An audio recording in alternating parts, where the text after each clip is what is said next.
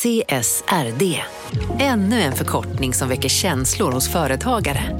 Men lugn, våra rådgivare här på PWC har koll på det som din verksamhet berörs av. Från hållbarhetslösningar och nya regelverk till affärsutveckling och ansvarsfulla AI-strategier. Välkommen till PWC. Välkommen till Momang, ett nytt smidigare kasino från Svenska Spel, Sport och Casino där du enkelt kan spela hur lite du vill. Idag har vi en stjärna från spelet Starburst här som ska berätta hur smidigt det är. Jaha, så smidigt alltså. Momang, för dig över 18 år. Stödlinjen.se. Nej. Dåliga vibrationer är att gå utan byxor till jobbet. Bra vibrationer är när du inser att mobilen är i bröstfickan. Alla abonnemang för 20 kronor i månaden i fyra månader. Vimla! Mobiloperatören med bra vibrationer.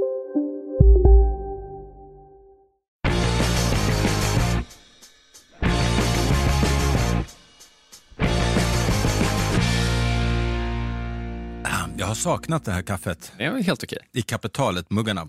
När, när kommer de kallar oss kryptomuggarna? Men det, det kan vara veckor bort om vi vill. Det måste vi beställa. Ja. Så kan det, vara, det kan vara en NFT. när man dricker den så händer det något roligt. Vi måste komma, komma Det är en på skärm runt och sen så kan man projicera sin NFT på den. Eller så liksom. Någonting sånt, Ja. någon slags hologram-ish. eh, Jag vet inte. Vi får, vi får dyka in i det senare under hösten. Eh, hej allihopa, alla underbara lyssnare och hjärtligt välkomna eh, ska ni vara till ett nytt avsnitt av De kallar oss krypto. Och det är, eh, de, de andra avsnitten har också varit riktiga, men, Ja. men det här känns ju mer riktigt. Vi- Vi kan väl säga avsluta att vi, vi spelar in det här liksom väldigt kort in på att det släpps och det har inte avsnitten under sommaren gjort. Nej. Så det är lite terminstart sådär. Det här är lite terminstart, eh, så bear with us, eh, som man brukar säga. Man känner sig lite så här såsig fortfarande. Ja, det får stå för dig. Men om, om, om det är någon som liksom har snöat in på krypto under sommaren och upptäckt den här podden, vad, vad är det för podd de lyssnar på? Det är åtminstone så pass såsig är jag är inte. Det är ju då en, en podd som eh, ämnar att vara eh, den totala guiden till eh, kryptovalutor. Med fokus kanske på den största av dem alla, bitcoin, men även ethereum och flera andra saker. Och vi försöker också täcka in NFTs, non-fungible tokens och massa gäster. Kort sagt, en podd om krypto Ja, för alla. för alla. Och eh, nu är vi då tillbaka efter sommaruppehållet. Du säger att du inte är såsig, du sitter här och, och eh, är bara mm, som om du har jobbat. Jag har ju jobbat i en och en halv vecka, men, men jag, det jag känner att jag, ja, exakt. Nej, men jag känner att jag har väl den här eh, måndagsskärpan som jag tycker man pratar lite för lite om. Men att, eh, att eh, man, är, man mår för jävligt måndagar tycker jag mellan man vaknar och typ 11. Och sen någonstans runt kvart över 11 så börjar man acceptera att ja, okej, jag har ett jobb, jag är på det just nu, nu är det bara att göra det bästa situationen. Och där är jag nu. Okej, men där är ju skillnaden med tror jag, att du, ju, du är ändå anställd. Exakt. Jag har egen, eget företag så jag kan ju säga till mig, min, e- mig själv som chef att så här, nah, vi, eh, vi tar, eh, tar en liten paus Ja, till. Jobbar alltid, jobbar aldrig och så vidare. Men idag har jag faktiskt tränat och försöker komma tillbaka. Men jag har haft en liten annorlunda sommar. Ja, hur har det varit? Nej, men jag kände mig rätt slutkörd av eh, delvis såklart småbarn, men eh, två stycken som jag ju har, två pojkar, eh, som är ett år och två och ett halvt. Men jag kände mig väldigt slutkörd av, av krypto. Jag hade verkligen malt ner mig i det här eh, rabbit hole, kaninhålet, så djupt att jag knappt, jag tappade lite kontakten med min familj och kände mig liksom, jag behövde Jag ett får break. dåligt samvete av det här, för Nej. jag har ju varit med och dragit ner dig här såklart. Liksom. Det var jag som kom med idén hit, så det är mitt eget fel. Men det blev för mycket podcast, för mycket gäster. Det var superintressant, men jag behövde ett break. Så jag vet vad jag gjorde? Jag stängde av allt i sex veckor. Jag kollade inte bitcoinkursen, jag tog, bort alla notiser på alla appar, jag var inte inne på Twitter, någonting. Eh, och så att jag är ju ungefär, eh, nu är det som att öppna Pandoras box igen. Igen. här. liksom. igen. Ja, exakt. Men därför, I vanliga fall brukar du vara mycket mer uppdaterad vad det gäller liksom, de, de senaste timmarnas kurssvängningar och sånt där. Men då kanske jag för en gång skulle ha lite upp på dig här. Då. Ja, jag tänker det. Och sen så kommer jag sakta men säkert jobba mig tillbaka in i gamet. Ja, så, så nu, nu är liksom, är, är, går liksom Pandoras boxöppningen till så att du tar upp Twitter första gången och bara så här börjar scrolla ner och så, så bara, är det fyra nya valutor du inte hört talas om, tolv kurssvängningar, någon fork. Ja, men alltså det är det man tänkte. Jag hade ingen aning vad kursen skulle vara. Du vet, man vet inte, så, är den på 18 000 dollar bitcoin nu eller är den på 50 000? Jag hade ingen aning. Och inga nyheter hade jag koll på. Och, och som sagt, Twitter och alla telegramgrupper jag är med i, i krypto. Där var det så här, man gick in och kollade. 2000 olästa. Nej, men det, var, det räcker inte. Nej. Det var ju liksom alltså 50 000 olästa. Åh, herregud.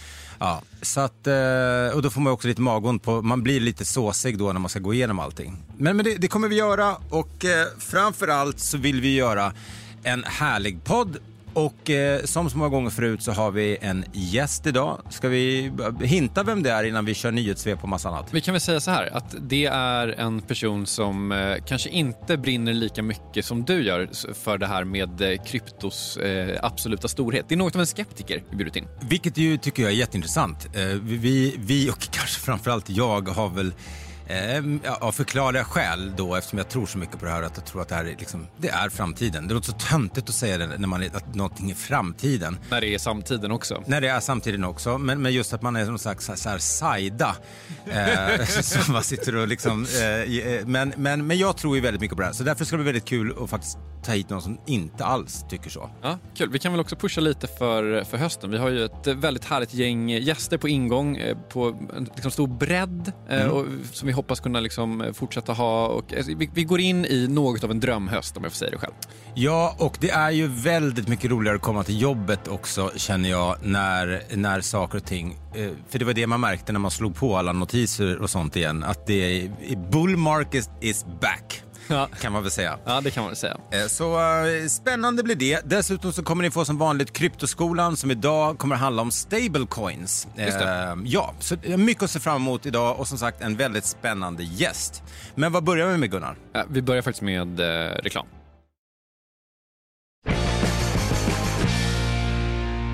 Mårten, eh, vi har ju ett eh, superroligt avsnitt framför oss, som vanligt får jag säga. Eh, mm. Jag kan redan nu säga att vi har den här kryptoskeptikern på väg in, det blir sjukt kul. Men det har ju hänt väldigt mycket sen vi sist poddade och egentligen så har vi ju faktiskt typ en hel sommar vi behöver sammanfatta här. Så jag tänker att det kommer bli ett, ett lite blir ett rätt tjockt nyhetssvep det här, men jag hoppas vi kan hålla det hyfsat tajt och kort i alla fall. Känns det som en rimlig plan i alla fall? Det känns som en, en, en, en, en nödvändig plan. Då så, då ska du få lite musik. Sommarens stora följetong har såklart handlat om priset på the original, the number one, kryptovärldens Mount Everest, bitcoin. Efter den krasch som vi såg i våras och eh, i juni då framförallt då priset på en bitcoin föll från 65 000 till under 30 000 dollar så var det många som trodde att vi skulle få se en längre etablering på runt 30 000 dollar. Medan vissa eh, belackare trodde att det skulle gå så lågt som 18 till 20 000 dollar. Men än en gång har kryptovalutan bitcoin överträffat förväntningarna och med dagens kurs får man betala över 47 000 dollar för en bitcoin igen.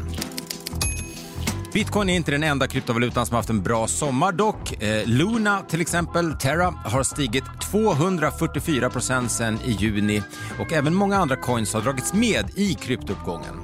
Den stora vinnaren av de kryptovalutorna som finns med störst marknadsvärde stavas dock Ether, alltså ethereum. Eh, efter att den nya uppdateringen av ethereum-nätverket gjordes under sommaren, den så kallade EIP 1559, så har priset på ether ökat från 1700 till 3300 dollar idag, alltså nästan en fördubbling.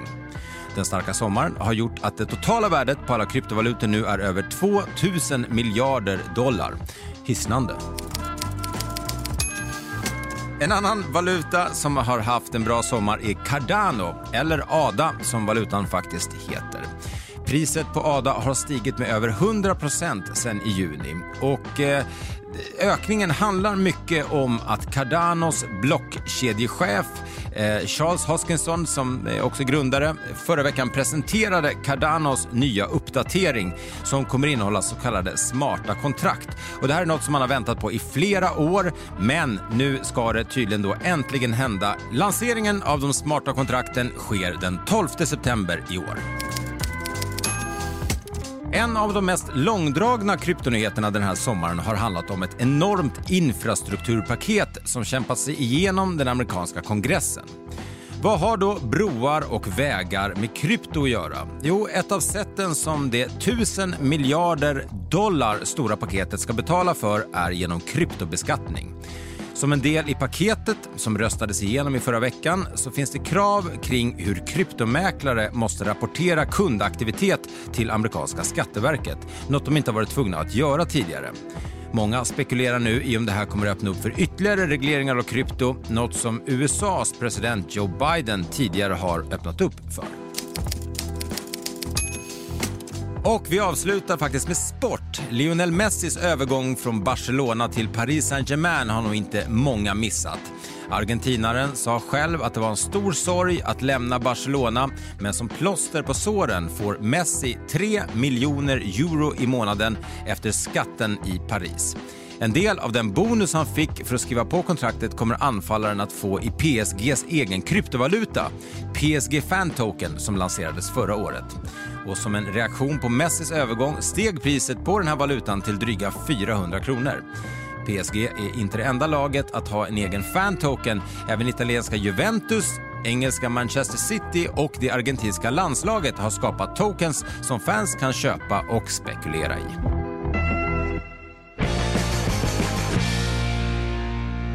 Nu har du sagt att du inte att du liksom checkade ut från krypto ganska hårt under sommaren, men har du handen på hjärtat, har du hängt med någonting i de här prissvängningarna?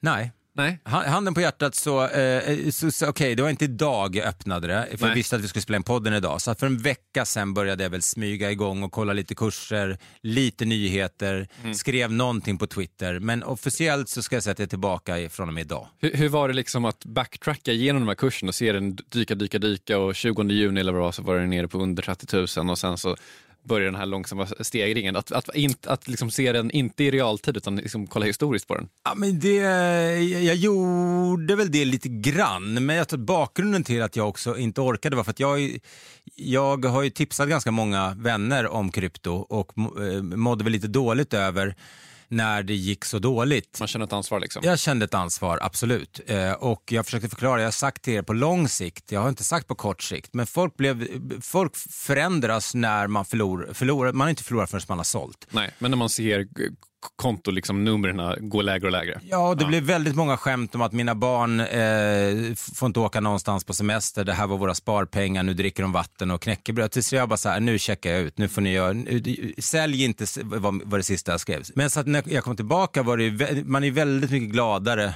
nu. Mm. Eh, både för deras skull och för, för ens egen skull. Och eh, det är kul, det är roligare att jobba med något som går bra än något som går inte så bra. Nej, så är det ju. Ja. Ja, jag är glad att du är glad. Du, ska vi ta in en gäst? Det tycker jag absolut. Han är börsprofilen som grundat investeringsbolag, tidningar och eh, blivit årets ekonomijournalist. Idag är han chefredaktör för tidningen Affärsvärlden och trots all denna imponerande kunskap så är han kryptoskeptiker. Ja, det är fruktansvärt. Eh, var, det är fruktansvärt. Varmt välkommen hit, Peter Benson. Tack snälla. Tack Mårten. Tack Gunnar. Vad roligt. Eh, hur är dagsformen? Eh, ja, men den är hyggligt bra, särskilt efter den här otroligt smickrande um, påannonseringen. Mm. Ja. Är, är du i semestermode eller är du klar tillbaka in i hetluften? Var befinner du dig? Jag är alltid i något mellanmjölksland där man är ganska tillbakalutad men har alltid mycket att göra och eh, Luther sitter på axlarna eh, men lyckas inte alltid få en att jobba så mycket som man borde kanske. Nej. Var det ett tydligt svar? Väldigt tydligt tycker jag. Ja. Eh, Gunnar. Eh... Ska vi prata lite om din bakgrund kanske först? Eh, tänker jag. Eh, för att, om, om, man inte vet vem du är, hur, om du typ stöter på, en middag eller någonting och försöker summera ditt, din, ditt yrkesliv på två minuter, hur, hur brukar du liksom presentera dig själv? Och så där? Eh, Eh, jag brukar säga att jag är ekonomijournalist och sen om de pressar mig lite mer så får de lite mer information och då, då skulle det väl komma fram, eh, antar jag om personen eh, har en sjukanläggning och fortsätta fråga, att jag då har varit ekonomijournalist i 20 drygt år, 22-23 år. Jag har varit på Dagens Industri ganska länge, jag har drivit en liten aktietidning som heter Börsveckan. Jag har hållit på med investeringar, varit analytiker och, och, och jobbat för folk och företag med mycket pengar. Men framför allt har jag varit ekonomijournalist och ganska mycket då i egna verksamheter. Ja, eh, och, och, fokus på börsen. Fokus på börsen. Och jag har, efter att jag passerat 40 så kom jag fram till att jag gillar tre saker vad gäller jobbet. Jag gillar många fler saker privat. Men vad gäller jobbet så gillar jag tre saker och det är börs, driva småföretag och media. Eh, så att jag, jag, tycker det är kul om man kan vara eh, Eh, ha en roll som är alltihopa det där. Och nu är jag då chefredaktör för Affärsvärlden eh, och jag och mina kollegor äger tidningen, så vi driver småföretag.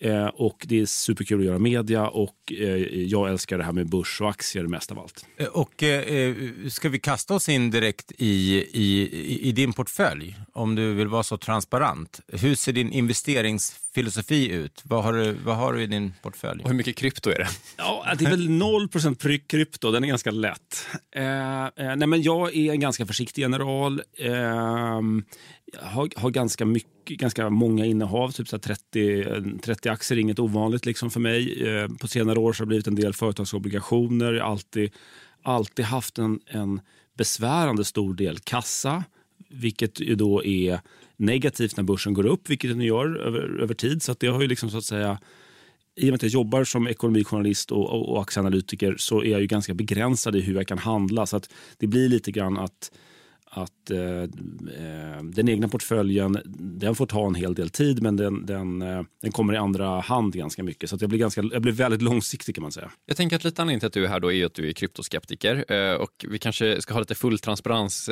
till lyssnarna här. Vi har ju haft mycket gäster här som är väldigt eh, entusiastiska kring, kring krypto. Vi är ganska entusiastiska också, till och från i alla fall. Ja. Eh, och sådär. och vi tänkte att det skulle vara väldigt kul att ha någon som, liksom, som, som inte har samma liksom, syn på det här som, som vi har eller som många av våra gäster har. och så där.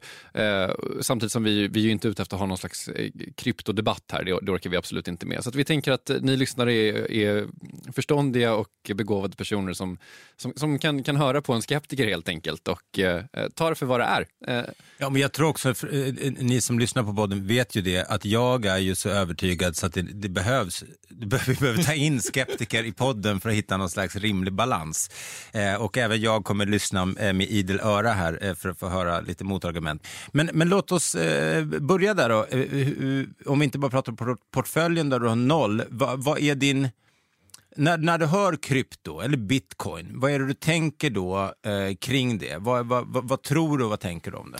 Ja, men det är ett jättestort paket av tankar kring det här. För att det är... Eh, Eh, man kan ju börja i mitten eller i, i kärnan och säga att det är någon slags teknologi och sen så finns det olika då, eh, eh kryptovalutor och bitcoin så att säga, som använder sig av varianter eller liksom olika konfigurationer av de här bärande tankarna bakom krypto. Och sen så är det ett enormt lager av åsikter, investerare, spekulanter, en hel industri nu som ligger som ett lager ovanpå. Och sen så har du liksom hela samhället nästa lager då som nu börjar förhålla sig till det här. Eh, ska institutioner gå in i det här? Ska det finnas som ETF eller fonder? och så, och så. så det, det, är så oerhört många saker. Jag är inte beredd att säga att det här är bara skit och, och dåligt. Utan jag, jag, jag förstår inte fördelarna. Eller jag förstår inte att fördelarna är så stora eh, i relation till vad de som är positiva påstår att de är. Om vi uttrycker det så. Mm. Och, och, så att jag kanske de fördelar jag förstår tycker jag inte ser så jättestora ut jämfört med de nackdelar jag ser. och, och Så Så, så Jag försöker ha ett öppet sinnelag, trott eller ej. Eh, och jag är inte lika tvärsäker som jag har varit. Och Det går lite upp och ner kan man väl säga hur jag ser på det här. Okay, jag tänker att liksom för, att förstå, ehm, för att förstå en skeptiker, om det nu är det här avsnittet heter, eh, så måste man ju förstå liksom vad, vad, du tänker att krypto och bitcoin är och vad de här fördelarna är och vad de här nackdelarna är. Ska vi börja med liksom fördelarna då, liksom möjligheterna med, med krypto? Va, va, vad ser du kan hända och vad ser du inte kan hända? Jag känner mig inte som en bra person att redogöra för fördelarna. Här, nu, har, nu har det här funnits i, i drygt tio år eh, och jag har följt det med ett halvt öga eh, under den här perioden. Och Det jag har landat i nu är att jag tycker att det är väldigt mycket kan förstås som något slags mellanting mellan ett digitalt guld och konst. Mm -hmm. Alltså det är någon slags eh, eh, eh projektionsyta för eh, eh, vad betraktaren ser i det. Det här med konst är oerhört flummigt, men, men, men så här. Alltså, en fascinerande grej med krypto är att väldigt olika typer av personer, det här blir liksom som klichéer på personer, de, de, kan se i krypto fantastiska saker. Du kan ha liksom en, en prepper som ser framför sig liksom civilisationens undergång, vi måste liksom eh, eh bruna bönor och hagelgevär och såna här saker. De kan gilla krypto. Du kan ha någon slags anarkister, revolutionärer som liksom hatar systemet och, och storfinansen. De kan älska krypto. Eh, du kan ha någon slags techno-utopister kan också älska det här. Liksom. Så, att, så att extremt diametralt olika typer av eh, Tesla-chefer. Tesla-chefer. Exakt. exakt. Han, han är väl teknoutopisten då kanske? Ja, det får man väl säga. Ja. Eh, att, han, att han tror...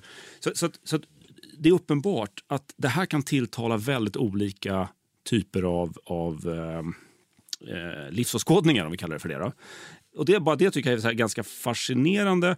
Eh, min, min största då liksom synpunkt på krypto är att jag tycker så här att med tusen miljarder i börsvärde eller vad det är, dollar och 11 år under... 2000 faktiskt nu. 2000, okej. Ja. men, och 11 år under västen och si och så.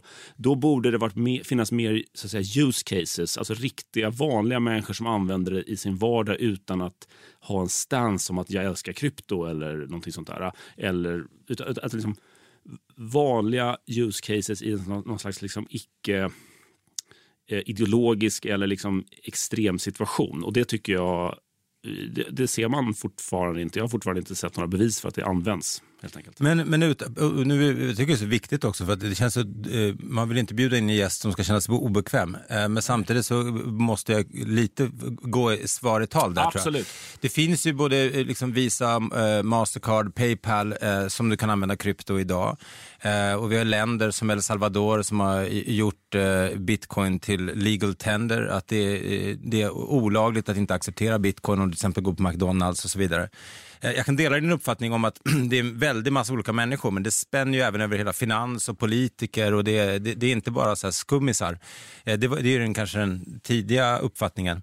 Men kan du inte känna lite grann att det, om man gör bara för ett, ja, någon slags metafor, låt säga att skateboard kom, då var det väl ett gäng entusiaster till en början och så var det den grejen och sen så kommer sakta men säkert så ser man folk åka på skateboard lite överallt, eh, eller kickbikes vad vi nu kallar det för, i massa olika åldrar. Mm.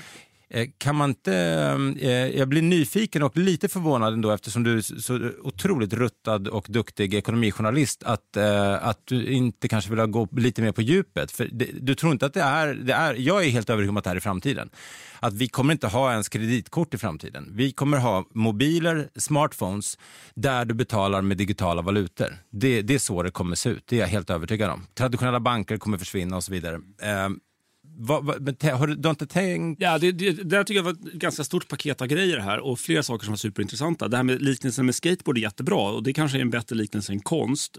Eh, med, med konst att tänka att det är väldigt subjektivt. Man kan säga att så här, Jackson Pollock som bara gör någon slags splatter av färg. Vad är det för någonting? Jo, men det är högtstående konst som är värt liksom hundratals miljoner. Det man väljer att se i det här verket, på samma sätt kan man se vad som helst i krypto. Ja, alltså så här, väldigt mycket i vår värld är någon slags social konstruktion. Och liksom guld är en social konstruktion i, i stor utsträckning. Eh, eh, skillnaden är att vi har liksom 5000 år av historik och över alla kontinenter och, och massa olika liksom, styrelseskick att folk har tyckt att det här med den här gula glansiga meta- met- metallen är fantastisk. Eh, eh, nu har vi mm, några miljoner människor som tycker att bitcoin och, och krypto är fantastiskt. Det kan bli liksom det här kan vara något stort som kommer finnas i hundratals år. Eh, det kan också vara som skateboard, att det är något fantastiskt och häftigt men som faktiskt också försvann och var liksom helt, i princip borta i liksom 10-15 år. Och Det kan vara något som, som vars popularitet går väldigt mycket upp och ner. Att det kanske inte försvinner helt men det kanske inte heller liksom tar över världen. För att eh, Skateboard har ju liksom inte så att säga, tagit över världen, det har liksom inte så här, konkurrerat ut fotboll. Eh, Eh, digitala valutor, det, det, det är superspännande och det skulle kunna, liksom, som du säger, eh, slå undan benen för storbanker och såna här saker. Men i min värld så är det väl troligast att de är centralbanksemitterade, eh, de där digitala valutorna. Vilket ju är den stora skillnaden såklart då mellan, mellan eh, kryptovalutor och, eh, och eh, centralbanksstyrda eh, kommande valutor som eh, kinesiska yenen och eh, amerikanska, eh, det finns ju massa projekt, svenska e-kronan, E-kronan. eh, såklart. Eh, men då är de centraliserade istället för decentraliserade, så att det, det är väl den stora skillnaden där. Mårten och Peter, det har blivit dags för våran kryptoskola som den här veckan alltså handlar om, om stablecoins. Så take it away, Åsa Secker. Kryptoskolan lektion 12. Stablecoins. De flesta coins som vi pratar om eh, här i den här podden är ju klassiska kryptovalutor. Deras värde skapas av marknaden och eh, priserna går eh, både upp och ner en del. Men det finns en annan typ av coins också. Stablecoins. Kort sagt så kan man säga att en stablecoin är en representation av en helt vanlig fiatvaluta. Man har alltså gjort en digital representation av till exempel dollarn på blockkedjan så att en dollar är värd en kryptodollar. Den största stablecoinen idag heter Tether, eller USDT. och Det finns ungefär 64 miljarder dollar Tether i cirkulation. Och Då undrar man ju, vad ska man med det här till? Från början så användes stablecoins mest för att köpa andra kryptovalutor. Fördelen med att ha dem i Tether istället för i dollar är att man då kan handla med dem 24 timmar om dygnet, var som helst i världen. Du behöver inte dela med din bank när du väl har köpt en stablecoin. Eftersom att stablecoins finns på blockkedjan eh, så kan de också användas i smarta kontrakt på ett sätt som riktiga dollar inte kan. Stablecoins och kanske framför allt Tether är dock i rejält med blåsväder just nu. Det amerikanska justitiedepartementet utreder Tether för eventuellt bedrägeri eh, och det handlar om företagets tidiga transaktioner. Dessutom så har stablecoins som Tether fått kritik för oklarheter i sin finansiering. Är det verkligen så att det finns en dollar som backar varje Tether? Kort sagt, hur stabila är egentligen stablecoins?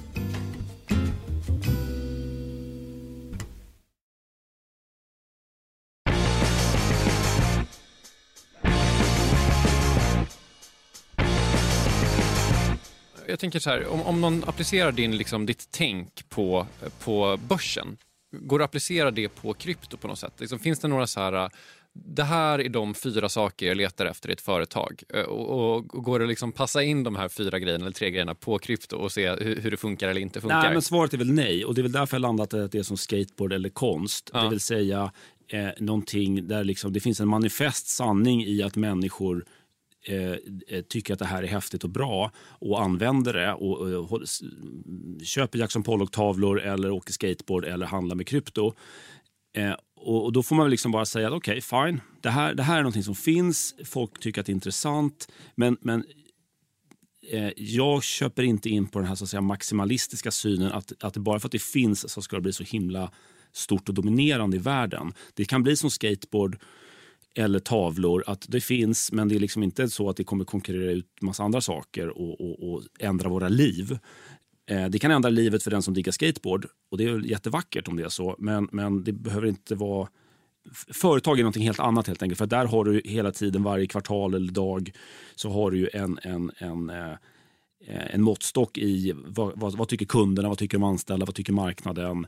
Liksom, det går ju hela tiden att följa på ett mer objektivt sätt vad som är så att säga nytt nyttan i som ett visst företag sysslar med. Men alltså, det går inte att argumentera för att Jackson Pollock är bättre än Anders Zorn, utan det är det är subjektivt. Det är subjektivt. Mm. Jag, en grej jag tänkte på det här med att det är um, alltså 2000 miljarder dollar låter ju som en helt hisnande summa pengar men jag förstår vad du menar någonstans där du säger att det inte är så stort än att det är mer det är inte fotboll, det är skateboard. Liksom. Mm. Men ehm, måste man inte sätta det i perspektiv någonstans till hur länge vi haft uh, vanliga uh, pengar och hur liksom 10 år, 11 år det är ändå en ganska betydande summa man kommit upp i. Det är ändå en ganska betydande rörelse på kort tid. Alltså, om mm. man tänker ett längre spel så kanske man kanske ska kolla hur det har gått för krypto om 100 år mm. snarare än mm. efter 10 år. Liksom, mm. finns, det, finns det inte någonting i det ändå? Ja, men alltså, det som gör mig lite ödmjuk då, det är inte min mest framträdande egenskap alla gånger, men det är ju verkligen att, att det här fenomenet, det har ju inte dött utan det växer. Och eh, nu säger ni att det är värt 2000 miljarder dollar och, och, och eh, topparna är ständigt högre och bottnarna tenderar också att vara högre. så att säga. Att, att det, det, det verkar inte vilja försvinna så många andra saker som är så att säga, så här, saker som är dåliga brukar de brukar bevisa sig dåliga och liksom, om det är finansiella saker så brukar de liksom bli wiped out. Och mm. det har inte det här blivit på 10-11 år. Det är inte så jättelång tid i hela världshistorien. Men, men det gör mig ödmjuk att det eh, verkar ändå vara någon slags stigande grej här. Och, och, och då, då, då ska man vara försiktig med att säga att det här ska gå till noll eller det är värdelöst eller det liksom är sämre än värdelöst för att det drar massa energi och sånt där som vissa människor säger. Men jag tycker fortfarande inte att eh, man på ett begripligt sätt har förstått vad nyttan är. Och nytta då, då menar jag liksom helt enkelt någon slags liksom objektiv samhällsnytta. Inte inte den subjektiva nyttan som man kan ha av att åka skateboard eller titta på vacker konst. För den, den nyttan den accepterar jag och den finns. Det, det är det jag tycker är så coolt bara för att ändå slå något litet slag för eh, den positiva sidan av, av till exempel bitcoin. När man nu då, eh, Nayib Bukele som är president i El Salvador, när man då eh, införde eh, bitcoin och röstade igenom förslaget att bitcoin blir eh, valuta eh, vid sidan av eh, peson, så eh, bli, så gör ju det tillsammans med det som kallas för Lightning Network eh, innebär ju att eh, folk kan skicka pengar till varandra på samma, lika snabbt som vi skickar Swish, nästan ännu snabbare. Eh, och till ingen kostnad i stort sett överhuvudtaget. Det innebär ju att folk som till exempel från El Salvador har åkt till andra länder och jobbat, oftast USA, och ska skicka hem pengar inte behöver använda sig av Western Union och liknande och bli av med massa procent i sina överföringar. Och Man kan skicka till och med små summor och väldigt mycket blir kvar. Många av de här länderna man pratar om, till exempel El Salvador eller eh, Argentina och, och flera andra, men även USA snart, eh, i alla fall eh, om man ska gå på vad vissa säger, eh, att vi, vi, är på väg mot hyperinflation. Och mycket, att mycket handlar om att man då har i alla länder på grund av covid framför allt eh, printat pengar. Maskinen går drrrr, det bara printats ut pengar och eh, utan att eh, ha jobbat på affärsvärlden så, eller inte varit speciellt duktig i matte heller om jag ska vara helt ärlig, så kan jag räkna ut att eh, värdet på pengarna försvinner när det bara kommer mer och mer och mer pengar. Och det har man ju pratat om som en hedge, alltså en försäkring, att det är det som eh, bitcoin framför allt, eller om man så vill ethereum eller någon av de andra, är en försäkring mot. För att det finns Va, begränsat? För att det finns begränsat. Just eh, eh, ethereum var väl ett dåligt exempel, även om de har börjat eh, brännas nu i och med ETH 2.0-uppdateringen. Men, men bitcoin kommer ju aldrig någonsin finnas mer än 21 miljoner eh, eh exemplar, höll jag på att säga. Men 21 miljoner mm. bitcoin, det kommer aldrig finnas mm. fler. Vad, vad, tänker du kring det? Eh, just inflationsdebatten och, eh, och att, att, att eventuellt bitcoin faktiskt skulle kunna vara en, en, en, försäkring mot? Mm. Nej, men alltså, Eh, eh jag vet inte om ni vet det, men en väldigt viktig sak fyllde ju 50 år igår. Nej, Nej. är det någon riksbankslag för, eller någon Igår moms? för 50 år sedan, 1971, så skrotade USA kopplingen till Bretton Woods. Och det är med andra ord födelsen av fiatvalutor. Mm. Så att fiatvalutor, det vill säga de pappersvalutor vi har nu som inte är kopplade till någonting annat än sig själva, så att säga. Det. det. är 50 år gammalt nu. Jag är superskeptisk till, till eh, fiatvalutor som långsiktigt fenomen.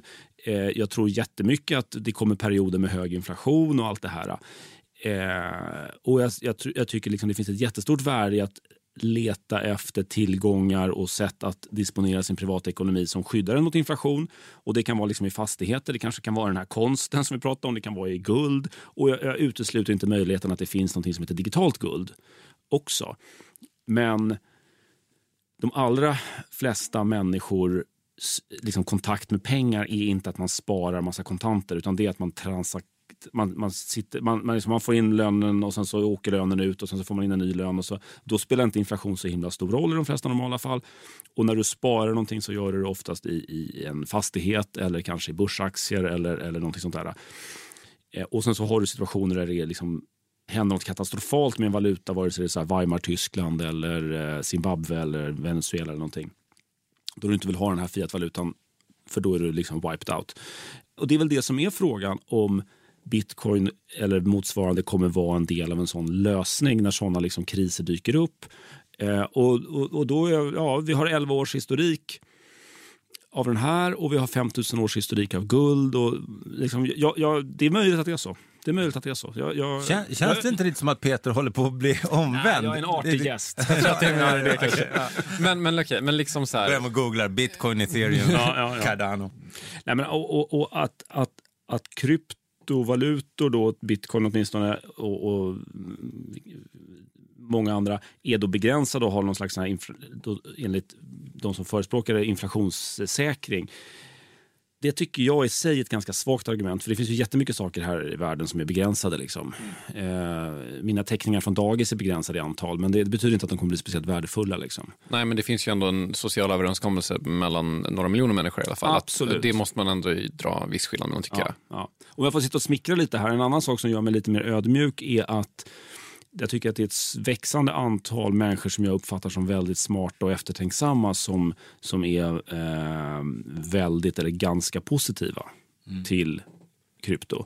Och eh, det gör mig också lite mer ödmjuk än vad jag kanske har varit ibland. Jag delar din uppfattning. Jag tänker ofta när jag tittar på intervjuer med många av de som är ledande inom, inom krypto att det är, det, det är så smarta människor så att det är helt otroligt. Och jag vet från techsektorn och andra, jag kommer ihåg, vi har någon gäst som, vi, som berättade där också, ska låta det osagt vem det var, kan det ha varit John Isaksson? Johan Isaksson? Ja. ja. Eh, men som i alla fall berättade att eh, väldigt många människor söker sig från techsektorn till kryptosektorn. Att några av världens smartaste människor är i den branschen. Om jag får vara lite elak så skulle jag säga att det finns ganska många av världens dummaste människor också. Som, ja. Eh, det, finns, alltså det finns ganska mycket i andra ändan av extremt naiva människor som ger sig in i det här för att jag har gått upp och hej och hå. Liksom. Så, så att, When Lambo. Ja. Eh. Man ska säga också att eh, ytterligare en liten caveat kan man säga att det, det, um, det har funnits uh, saker som väldigt många väldigt smarta människor har trott väldigt mycket på som gått åt helvete också. Det är, inte, det är inte svart eller vitt, Nej, det kan vi väl exakt. enas om i alla fall. Så kan vi säga. Det blev nästan en liten debatt ändå. Vi brukar fråga när vi har eh, kryptoentusiaster här så har jag frågat några gånger, den lite halvelaka frågan, vad skulle behöva hända med eh, bitcoin eller krypto för att du skulle sluta tro på det här, när folk är liksom superfrälsta och sådär. Vad, vad skulle behöva hända för att du ska sluta tro på att krypto är framtiden? Och mm. I ditt fall blir det ju då, vad skulle behöva hända för att du skulle vända i den här frågan och bli liksom, eh, bli kryptofrälst? Eh, jag skulle vilja se ett antal use case, då, som det heter på nysvenska, eh, där vanliga människor använder det här i vardagen, inte som en gimmick utan för att det faktiskt är markant bättre. Och då ska det inte vara att någon eh, expert radar upp argument och förklarar för dem varför det är bättre. Utan det ska, det ska vara en självklarhet och det ska vara liksom, och, och, det tycker inte jag att vi har sett. Om vi tittar på, på många andra så att säga, nya saker. Eh, så här, när, när internet, jag vet inte vad vi ska datera födseln av internet till, men när det var 12 år gammalt då hade det hänt svinmycket saker. Liksom. Det, var, mm. det, var liksom inte en, det var inte en fråga om det här skulle vara användbart. Sen var det en fråga om det skulle bli liksom allomfattande eller bara superstort. Liksom. Och, och alla förstod för att det fanns fördelar. Eh, det tycker jag fortfarande är... Liksom, och de, de exempel som du lyfter, Mårten, som man ofta hör det här med olika sydamerikanska människor som ska fly undan inflation och förtryck och vad det nu är. Jättevackert. Men i den stora världsekonomin så är det en ganska liten grej. Liksom. Mm. Det är en ganska litet fenomen, även om det är en väldigt vacker tanke och vacker idé och kanske en vacker företeelse till och med. Men den är rätt liten i, den stora, i det stora hela. så att säga. Får jag bara ta en, en grej som jag tycker är superintressant och jag vet inte om man ska vara rädd eller positiv till det. Och det var, där är jag intresserad av vad ni tycker. För det har jag hört eller läst en del om. Där då kryptoentusiaster motvilligt eller medvilligt inne på att, att krypto kommer liksom bli domesticerat eller det kommer bli institutionaliserat. Det kommer liksom bli en del av systemet. Istället för att liksom kullkasta systemet och disruptera det, då, återigen lite ny svenska, så kommer det liksom bli en del av det här. Man har liksom know your customer och anti-money laundering och Finansinspektionen och SEC. Det finns ännu mer eh, dystopiska, om man får vara sån, eh, liksom varianter som är liksom att stater skulle gå in och köpa upp 51% av systemet helt ja. enkelt. Eh, och, och Superintressant. Ja, och det där är ju, det där är ju en enorm liksom, grej.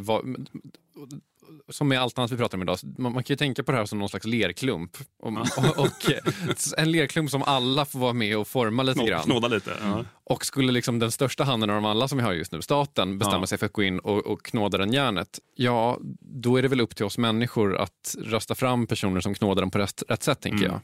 Eh, på ett sätt som, som är mm. gynnsamt för alla. Mm. Ja, det är ju på ett sätt det, det yttersta beviset för att krypto är någonting fantastiskt och viktigt, eller vad man ska säga, att, att staten gör det till, sin, till en viktigt redskap i sin eh, verktygslåda. Eh, å andra sidan kan man säga att faller inte lite av hela idén med grejen, då är det ju som ett Visa eller någonting. Jag tänker att om man, om man, det man det beror på vad man har för mål med det här såklart. Ju. Liksom, men om målet är så här, fiatvalutor är en ohållbar grej, vi behöver ett nytt finansiellt system mm. där inte banken har lika stor makt. Det går ju att åstadkomma eh, under en nationalstat. Fort, fortsatt liksom. Mm. Eh, däremot finns det ju massa andra saker som andra människor tycker är, är väldigt dåligt just nu som man tänker att krypto ska lösa, som kanske inte skulle kunna gå att lösa under en nationalstat. Eh, Men visst är det där något som diskuteras och det, mm. det har ju varit också när man har pratat om när, när det då blev den största kraschen sedan 2013 som nu har skett de senaste månaderna innan nu det har liksom nästan, ja det är inte tillbaka där det var. Mm. Men flera, ja, inte så långt ifrån. Nej, inte så långt ifrån och flera valutor har, har slagit all time high nu också. Men, men just det där att manipulationen i det och, och, och hur, hur det påverkar och, och vem som lägger sig i och just när institutioner börjar, är det bara en kom positivt att det kommer in ännu mera pengar i mm. Eh, och var kommer de landa? Eh, eller finns det såklart då något som är negativt. Mm. Så att, eh, men som men sagt, om, om man är en stor här, lerklump. Ja.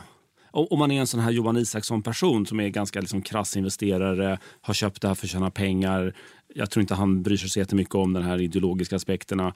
Då är väl det bästa som kan hända att det blir den här domesticeringen. Att, att, att det blir en del av finansiella systemet. Det kommer ETF och fonder och, och, och eh, alla världens institutioner går från att lägga 0% i krypto till att lägga 0,5% i krypto. Det kommer vara mycket pengar. liksom.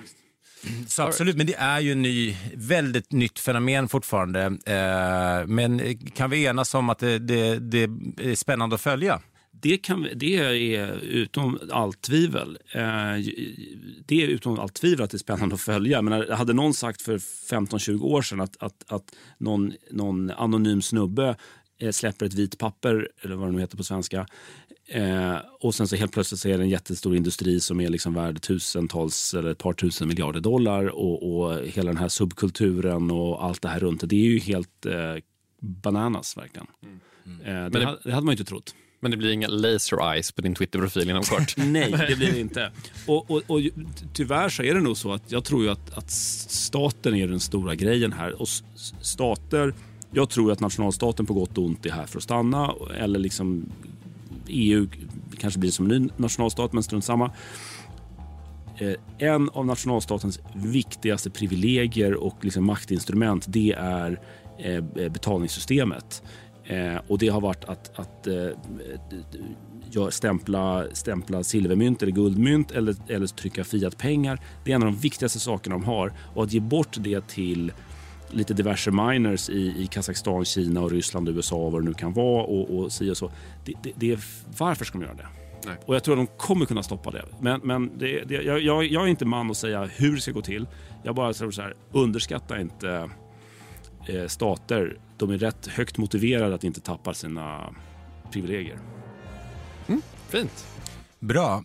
Eh, jag tänker dock att affärsvärlden lär förmodligen inte skriva så mycket om krypto. Så att, eh, jag hade tagit 1% av din, din försiktiga generalportfölj och stoppat in i bitcoin och ethereum. Och sen hade jag tittat på den om tio år och sagt den där jävla Mårten, vilken kille.